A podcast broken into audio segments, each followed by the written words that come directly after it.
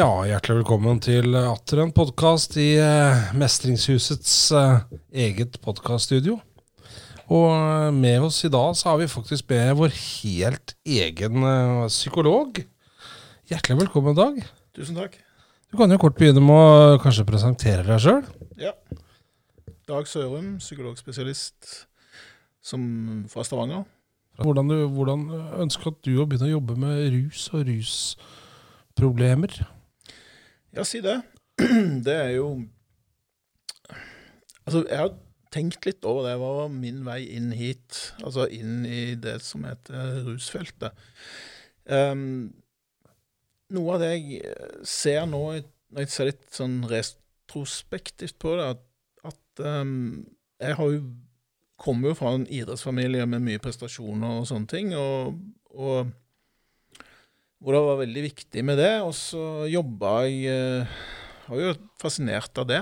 Um, og jeg har jo òg Var jo for så vidt òg litt sånn glad i rusmidler sjøl, uten at jeg har liksom slitt noe særlig med det. Men det var jo alkohol for min del, og ble jo introdusert for uh, cannabis og sånne ting. Um, men det jeg syns var eh, litt interessant å se, eh, var vel de som på en måte falt utafor, som på en måte ikke eh, klarte seg med Altså, de gikk lenger enn enn en bare å ta seg en fest. Altså, de, de kom seg liksom ikke ut av det. Jeg syns det var ganske interessant og et litt spennende felt å se på. Så i begynnelsen så hadde jeg ikke noe sånn veld, veldig, veldig interesse av å jobbe med det, eller noe sånt. Det kom litt senere, det når jeg liksom var ferdig å studere. Skulle egentlig bli organisasjonspsykolog og, og jobbe med det. Men, eh, men et, på et tidspunkt i Oslo, da, så um, merka jeg at det,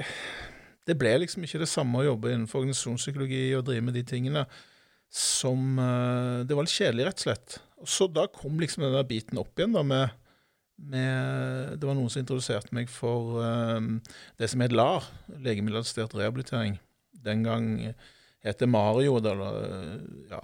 Så, så begynte jeg der, og da, da, kjente jeg på en måte at dette var spennende å jobbe med.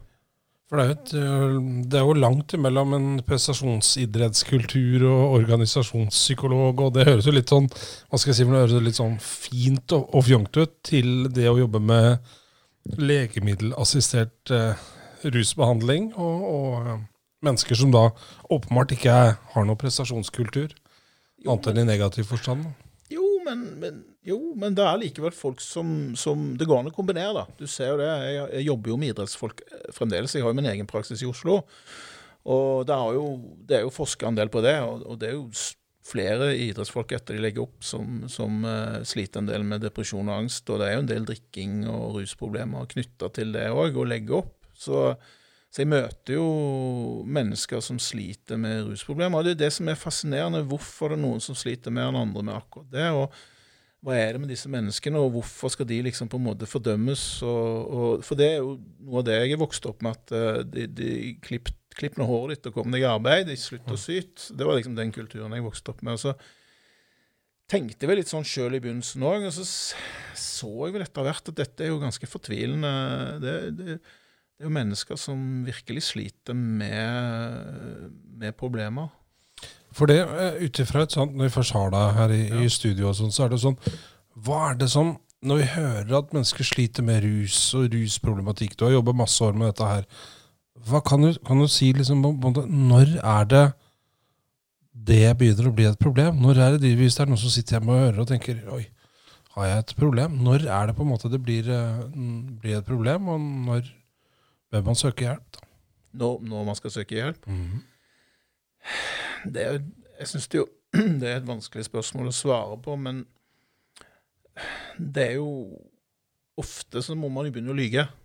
Eh, Man kommer til et punkt hvor man eh, gjerne begynner å Det går litt lenger enn en lyger, en eh, sluntrer unna, en går, går gjerne ikke på jobben, blir værende hjemme.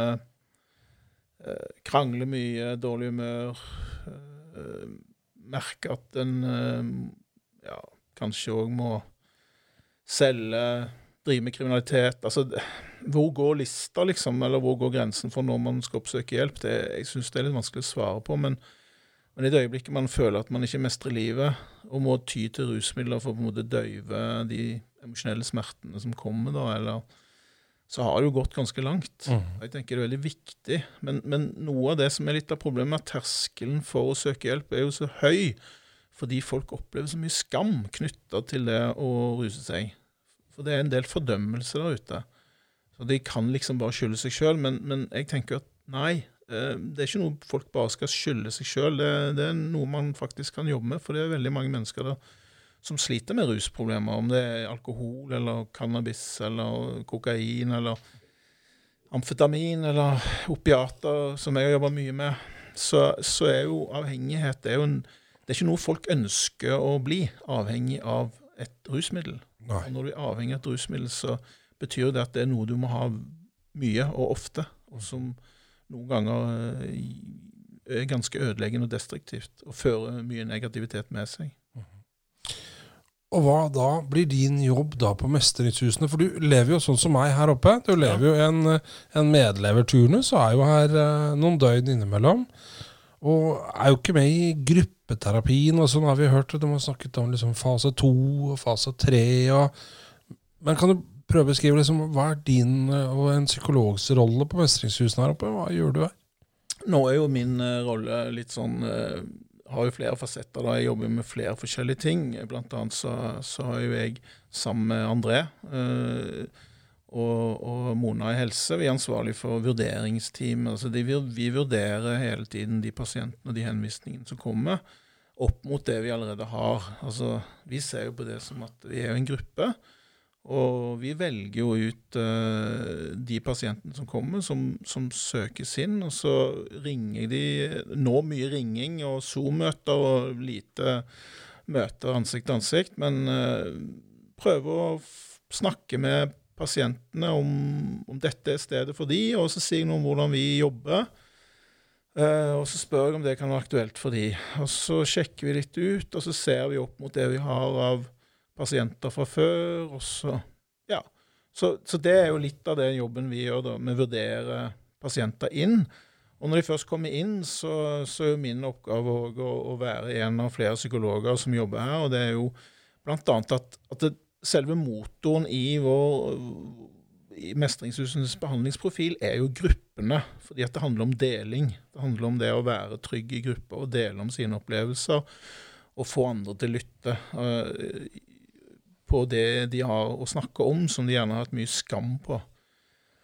Uh, og det er liksom uh, Min oppgave da som individualterapeut, psykolog, er jo liksom å oppmuntre de til, eller høre de litt ut på det de kjenner på som er mest skamfullt i livet, og det de gjerne trenger hjelp til.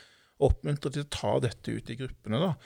Uh, og det tenker jeg gir en god dynamikk for til deg kommer pasientene Du er ikke med i, i gruppene. Hos deg så er det da én-til-én-samtaler, som, som, vi kjenner som vanlige psykologtimer i den forstand? Akkurat. Det er vanlige psykologtimer i den forstand. Pluss så er det en helt annen faktor i det at jeg er jo til stede på hele døgnet. sånn at jeg er jo i fellesskap og i fellesrom og møter jo pasientene utenom òg. Og det er jo en litt sånn annerledes oppgave enn det å drive en privatpraksis og møte pasienten en 50 minutter og si takk for i dag. Mm -hmm. Men uh, her så er jo en del av resten av de som er her. Så det blir jo en sånn gruppefølelse uh, som er veldig fin. da. Men det som, det som, jeg da tenker på, er liksom sånn Ja, OK, du, du, du, man kommer til deg og har én-til-én-samtale, og du, snakker om å dele og, og, og, på mange måter komme seg videre. Hva er det som um, Det er vanskelig kanskje å si noe generelt, men men uh, hvorfor uh, kommer man egentlig da til deg og ikke tar det i gruppa, liksom? Altså, hva er det, er det spesielle traumer, eller er det ting som blir for vanskelig, rett og slett, da, eller å dele i fellesskap? Ja, ja jeg tror det. Uh, min erfaring er jo at veldig mange, mange vil jo gjerne dele, men, men de, tenker det, de, de, tenker at det, kan bli for voldsomt for de å høre på den historien som kanskje handler om et alvorlig overgrep, eller de tenker at det de deler, er ikke interessant for gruppa, eller altså de de kjenner en del på, på, det. Men jeg glemte å si noe om det, og det er veldig viktig. at Vi, vi psykologer gjør jo òg de faglige utredningene. altså Vi diagnostiserer sånn at vi på en måte hjelper pasientene med å finne de diagnosene de kanskje har, og som de har slitt med hele livet, som de kanskje ikke har fått noen forklaring på. Mm. Så det er jo litt sånn, eh, Ofte så faller jo en del brikker på plass for dem, og de opplever på en måte at å ja, det var ADHD jeg hadde, ja. Eller det var sånn, sånn det var, ja. Jeg er bipolar. Og ja, jeg har en alvorlig depresjon, ja. Jeg har en PTSD. Altså, det blir litt mer Selv om det ikke er så veldig mye fokus på diagnoser, så har vi iallfall et bakteppe, og vi forstår, og, og, og pasienten òg forstår sine egne kanskje eh, reaksjonsmønster, eller hvorfor ting ofte repeterer seg, og hvorfor ikke klarer å stå i en relasjon, eller ja, sånne ja. ting. Eh, men, men ja, hvorfor er liksom diagnosene viktige da? Og, altså er det først når man på en måte har en diagnose at man kan på en måte være litt mer presis i behandlingsformen. da. Mm. Så ja, Og så har man, man et sånn rammeverk rundt det, da, at man forstår hverandre på en litt annen måte. Mm. At det ikke bare er vond vilje, men kanskje pasienten er ikke i så god stand til å kjenne så mye på, på empati og følelser som, som andre, mm. for eksempel. Hvor ofte er det uh Altså, er det sånn at mennesker som sliter med rus, veldig ofte sliter med andre ting også? Altså, kan, du, kan du si noe om det? Er det sammenfallende, eller er det tilfeldig, eller er det på en måte som folk flest ellers? Altså For å få rusdiagnoser så må man jo, så er det jo en del andre kriterier som gjør at man får de òg, disse diagnosene. sånn at det, ofte så, så, blir det en del uh, ting. Kriminalitet, kriminalitet ofte, kan man ofte se et mønster. Ikke alltid, men, men ofte. og, og og det er jo ting man må ta hensyn til her. At folk kommer med bagasje, en del bagasje, og noe av det er kriminalitet. Og det kan mm. ha blitt en del av identiteten. og eh, Nesten daglig så snakker jeg jo med, med, pasienter som sliter med det. At de har en sånn rolle knytta til seg. De har en status der ute, som, eh, og det er raske penger. Og det er vanskelig å bryte dette mønsteret som det gjerne har vært en del av livet deres i mange, mange år. De kan og kjenner ikke til noe annet. Og det mm. tenker jeg at Mestringshusene gjør en kjempejobb med å ha et eget krimprogram. og og de har jo òg brent mange broer i forhold til tillit hos andre. Eh, om det er søsken, om det er foreldre, eller Selv om blodet er tjukkere enn vann, så er det en del konflikter og en del relasjonstraumer der ute som vi òg på Mestringshusene har vært kjempeflinke å ta tak i med å ha familieuke og, og jobbe mye mer grundig og sette av tid til liksom å ta tak i, i, i en del ting da, som, eh, som, man ikke kanskje har så mye fokus på i, alle, på alle behandlingssteder. Nei, ja, det er jo sånn, men, men, det man kan stille seg spørsmålet da, hva er det som kommer?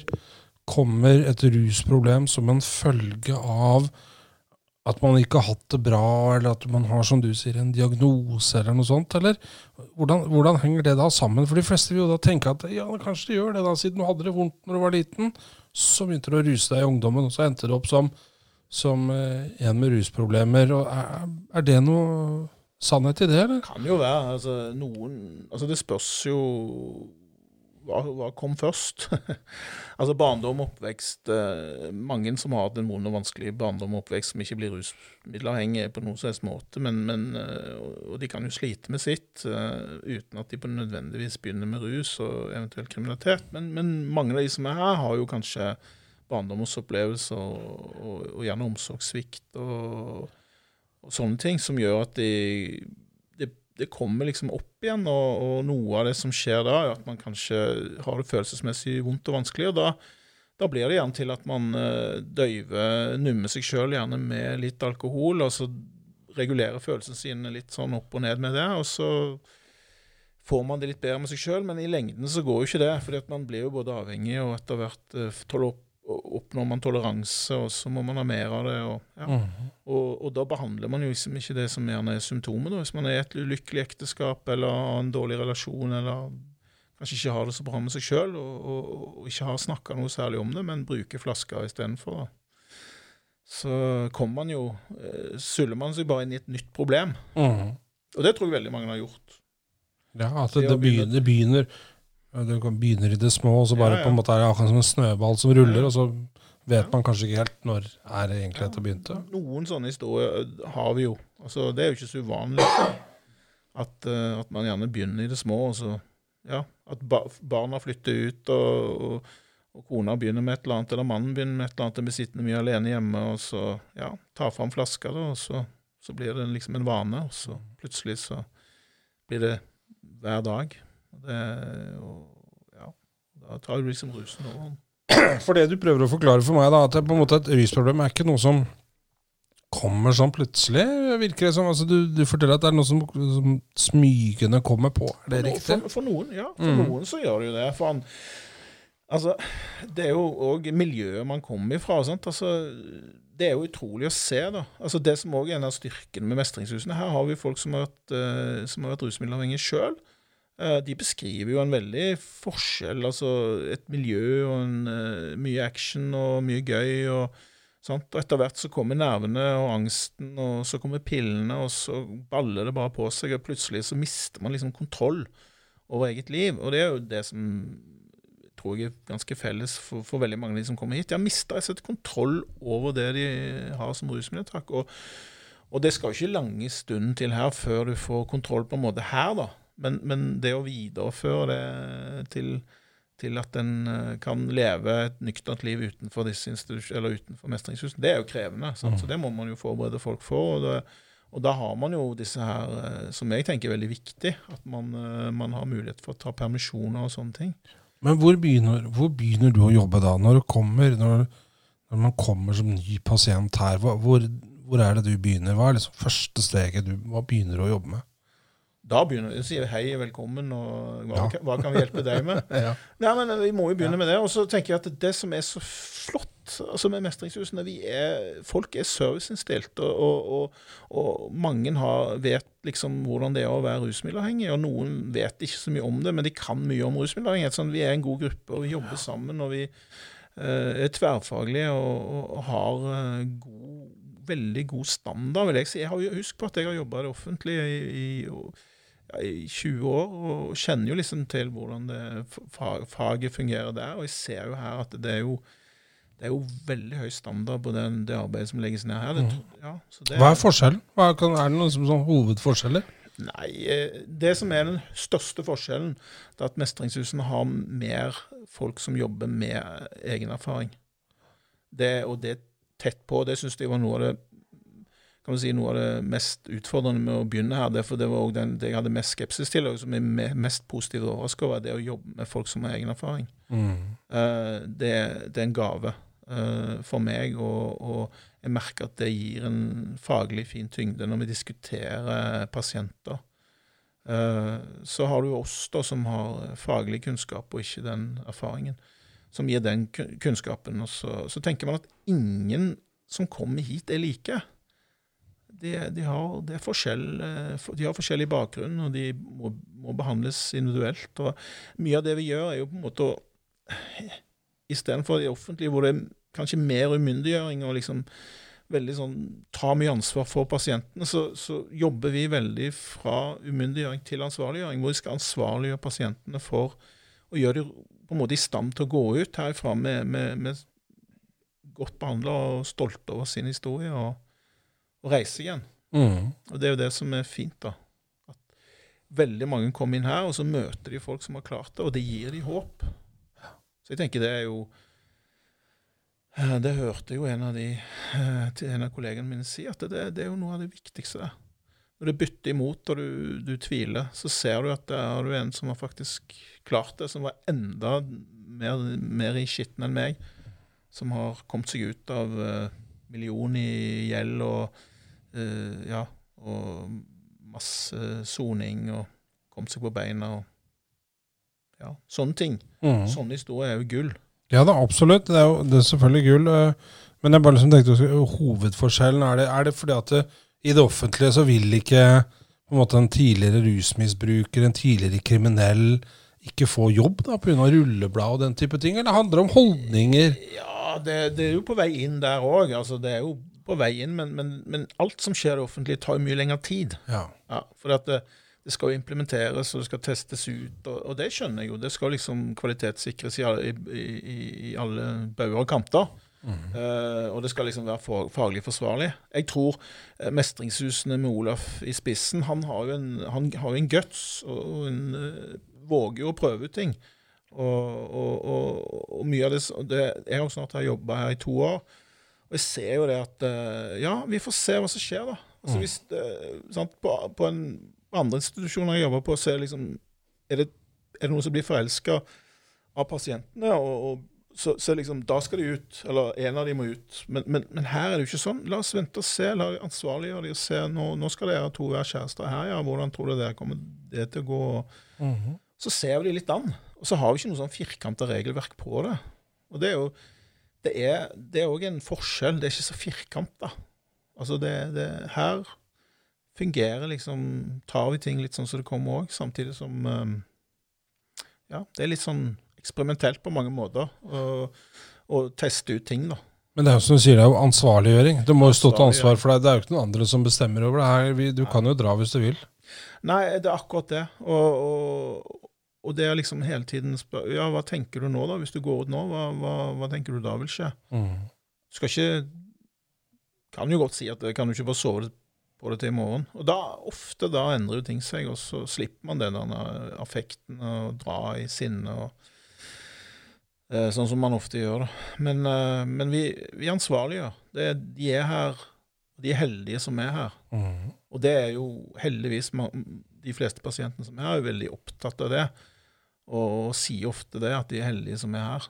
Eh, og det sprer seg jo til resten av gruppa òg. Ja, for å se det, det, det, det, Går det an å samle inn, du som da jobber litt med, med toppidrettsutøvere og sånt, og så har jo, har jo noen ganger hørt den der med prestasjonskultur. Ja. Går det an å sammenligne det litt med det? At noen presterer i gruppa, og så er du liksom spesialisttreneren på en eller annen måte, sånn at folk skal kunne skjønne det litt av hjemme? Går det an, går det an å si det sånn? Ja, jeg syns det var å dra det langt, da. Men, men, men mange, altså, det, det vil heller se litt annerledes på det. Det å komme hit handler jo om å prestere. altså Det ja. å prestere er å holde seg edru og nykter og ta ansvar for eget liv. Og, og da, De bruker jo nøkkelknipper, og de får liksom altså Det er jo en de, de snakker jo om det. Ja. De er jo en prestasjonsgruppe, de, de, som er pasienter. Det er en prestasjonsgruppe, de som jobber her. Og vi, vi, er opptatt av å prestere, vi er opptatt av å få til faget vårt. Det er jo livsmestring, da. Ja, livsmestring mm. som er en del av faget vårt. Ja. Og, så ja. ja kanskje vi er, vi, vi er jo ikke så ulike. Vi jobber jo veldig som et lag, da. Ja. Det, er et lag, det er et lagspill.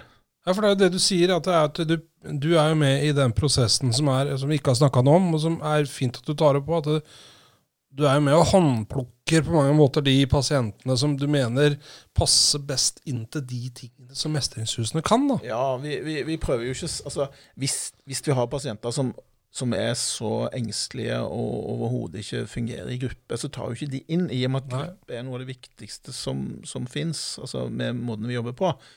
Så er det jo vanskelig. Så det, det, det, blir, det blir vondt og vanskelig, og da vil jo pasienten ikke oppleve mestring. så men allikevel, hvis de sier nei, jeg er ikke så veldig glad i grupper, så sier vi ja, men er du interessert i å prøve å gi det en sjanse, da? Altså, gjør at du ikke liker grupper, hvorfor er det sånn og sånn? Og så har det jo kommet folk her som har vært litt sånn engstelige for gruppen, men de har gitt en sjanse allikevel. Og så ser vi at de, de, nyter så godt av å få lov å være i en gruppe.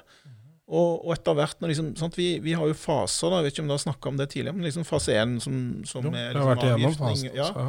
Så, så, når de kommer liksom i fase tre, da kommer de på en måte i en litt mer sånn håndfast gruppe, hvor det er lite utskiftninger, og det etableres en veldig trygghet, og de får jobbe mye dypere med, med problemene sine og, og, og, får den tryggheten de trenger. Så det, det, er en veldig fin uh, reise veldig mange opplever da. Men de fleste vil jo da tenke, hvis det sitter noen der hjemme da som sliter, eller noen pårørende, så vil de tenke ok, eh, hjelpes meg, dele i grupper. Det vil jo for de fleste fortone seg som relativt heftig. Og hvis du i tillegg skal dele de problemene og de, de utfordringene du har med vilt fremmede mennesker, altså Ja. Men de er ikke vilt fremmede veldig lenge. De er jo ikke det. Det er jo liksom eh, i, Når du kommer inn i stua der, så er det altså det vi ser hver eneste gang, det, det er liksom den første dagen. Kanskje den andre dagen. Husk på at miljøarbeiderne som jobber her, miljøterapeutene, er kjempeflinke til å implementere og få folk til å føle seg vel og imot, altså godt, De blir godt mottatt, og, og de blir tatt inn i grupper. Og, og de som pasientene sjøl òg, de, de, de, de, vet hvordan det er å komme hit. Så de blir veldig godt tatt imot. Og, så, de, de sier det er lov å være nervøs, det er lov å være engstelig. Det er ikke farlig i det hele tatt. Det er en vanlig følelse. Sånn hadde jeg det òg. Så får de en mestringsvenn, da. Og det er jo Mm. veldig viktig. Så, så Ja. det, så, og, pluss at de har oss som fagfolk da, med individuelle samtaler som kan si noe om det. Ja, altså Hvis de har en historie de syns er veldig veldig skamfull, uh, så drar de kanskje ikke i gang med den med en gang. Men, men, men de har, altså, da spør jeg men, men, men den historien den har vært viktig i livet ditt, og den skammer du deg mye over. Den har hengt lenge igjen, og det er en stor propp i ditt system. Det gjør at du på en måte aldri har fått gjort det du skal gjøre. eller du... Mm. Så, så det kan hende at den kommer kanskje noen uker ut i behandlingsforløpet, og kan godt hende at den ikke kommer før helt på slutten. Men, men, eh, men det spiller ingen rolle. De tar det tempoet de ønsker sjøl. Vi pusher ikke noe voldsomt.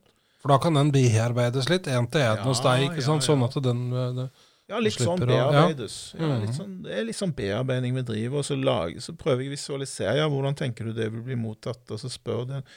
Så diskuterer vi litt rundt det, da. Mm. Så de tester litt ut da individuelt hvordan det vil være å, å snakke blant flere om det, da. Så Nei, det er mye, mye skamfulle temaer som tas opp så, så individuelt, og, og de, mange av de veldig flinke tar det ut i grupper. Og når de har tatt det ut i grupper, så møter de gjerne i gangen litt sånn Ja, det var så fint, det ble så godt mottatt, og jeg føler meg så mye lettere eh, etter jeg har snakket om, om det. og og det går liksom på å gi hverandre tilbakemeldinger òg, for folk er liksom engstelige for hva andre mener og syns hele tiden, og de har liksom fokus på det. Og når de får sjekka ut, og det var det en som sa til meg i dag òg, at det, det er så godt å, å lære seg det å sjekke ut hva andre tenker og føler om meg når jeg går rundt og bærer på ting, og så får jeg liksom sjekket ut, og da er det ikke så farlig. Så her, er det, her slipper du å lure på hva naboen mener om det. Ja, Her slipper du å lure på hva naboen mener om deg, og det er jo genialt. Så det man ser det er litt sånn Det er som man går rundt og har eh, vondt i magen hele dagen, og så er det som et lite troll. I det øyeblikket du snakker om det, så, så eksploderer det, og da er det ferdig. Da, da er det godt å få snakke om det. Sånn eh, avslutningsvis, eh, vi jobber jo sammen. Vi bor Ja. jo sammen når vi er her og, Ja, ja. og deler alt. Hvordan er det da? For det andre tenker jo sånn Ok, han er psykologspesialist, og er du det da 24-7 når du er her? Altså kan du, Har du samtale hele tida? Er du psykolog hele tida, eller er det, skrur du av du òg noen ganger? Jeg tror du, du er kanskje du er lettere for deg å svare på enn meg. Jeg, jeg, jeg prøver jo å være meg sjøl litt sånn utenom, men samtidig så må, må man jo være litt sånn eh, Ja, nei, det, det Jeg prøver å finne en balanse. Jeg føler at jeg er ganske trygg på det. At eh, jeg skrur litt av, og så er jeg eh, vitsig og fjollete. Jeg elsker jo Jeg har jo en litt sprø humor, da. Ja. Så det Du har det. Men det er jo det som er flink. Det er, du er kjempeflink. Vet du, Dag. Vi er veldig heldige som har det her, jeg må si det. jeg er veldig heldig For som du er. kan, eh, du kan på en måte Du har den seriøse faglige tyngden, og så har du kanskje den sprøeste humoren av oss alle her. Jeg vet ikke om det er en yrkesrisiko at humoren blir litt dårlig, ja, men, eh, men, det er, men det er veldig godt. Det er, det er godt å se, og det er godt å være menneske her, altså med alle følelsene. Da. Det er vel det som kanskje er Ja, jeg synes det er er godt. Det er, en av de, det er en veldig fin arbeidsplass, og jeg, veldig, jeg føler meg veldig trygg på at de menneskene som kommer hit, får en god behandling. Og, og, og det er jo noe av det beste med denne jobben her. at når jeg selger inn eh, behandlingen til, til pasienter, så vet jeg at jeg, jeg har en veldig god kollegagruppe som på alle måter er interessert i pasientgruppen. Og behandler dem med den dypeste respekt. mm. Så selv om vi har humor, så, så er vi veldig respektfulle overfor den gruppen vi jobber med. Dag, det var veldig hyggelig at du ville komme til vårt eget studio. Da har vi blitt litt kjent med deg, så skal jeg etter hvert som Det begynner å komme litt spørsmål og sånn etter hvert som vi begynner å komme med podkaster, så kan vi kanskje henstille til mennesker at hvis det er noe de lurer på, så kan de stille spørsmål, så skal vi ta det her i studio. Ja, skal vi gjøre så godt vi kan og svare Ja. på de òg. Så takk for at du kom, så, eh, kom Dag. Og, og um, til deg som lytter, ta godt eh, vare på deg sjøl, og eh, fortsett å, å lytte på podkasten vår. Og ta kontakt dersom du sliter, eller jeg har eh, pårørende eller kjente som sliter, så skal vi prøve å hjelpe deg så godt vi kan. Ha det godt.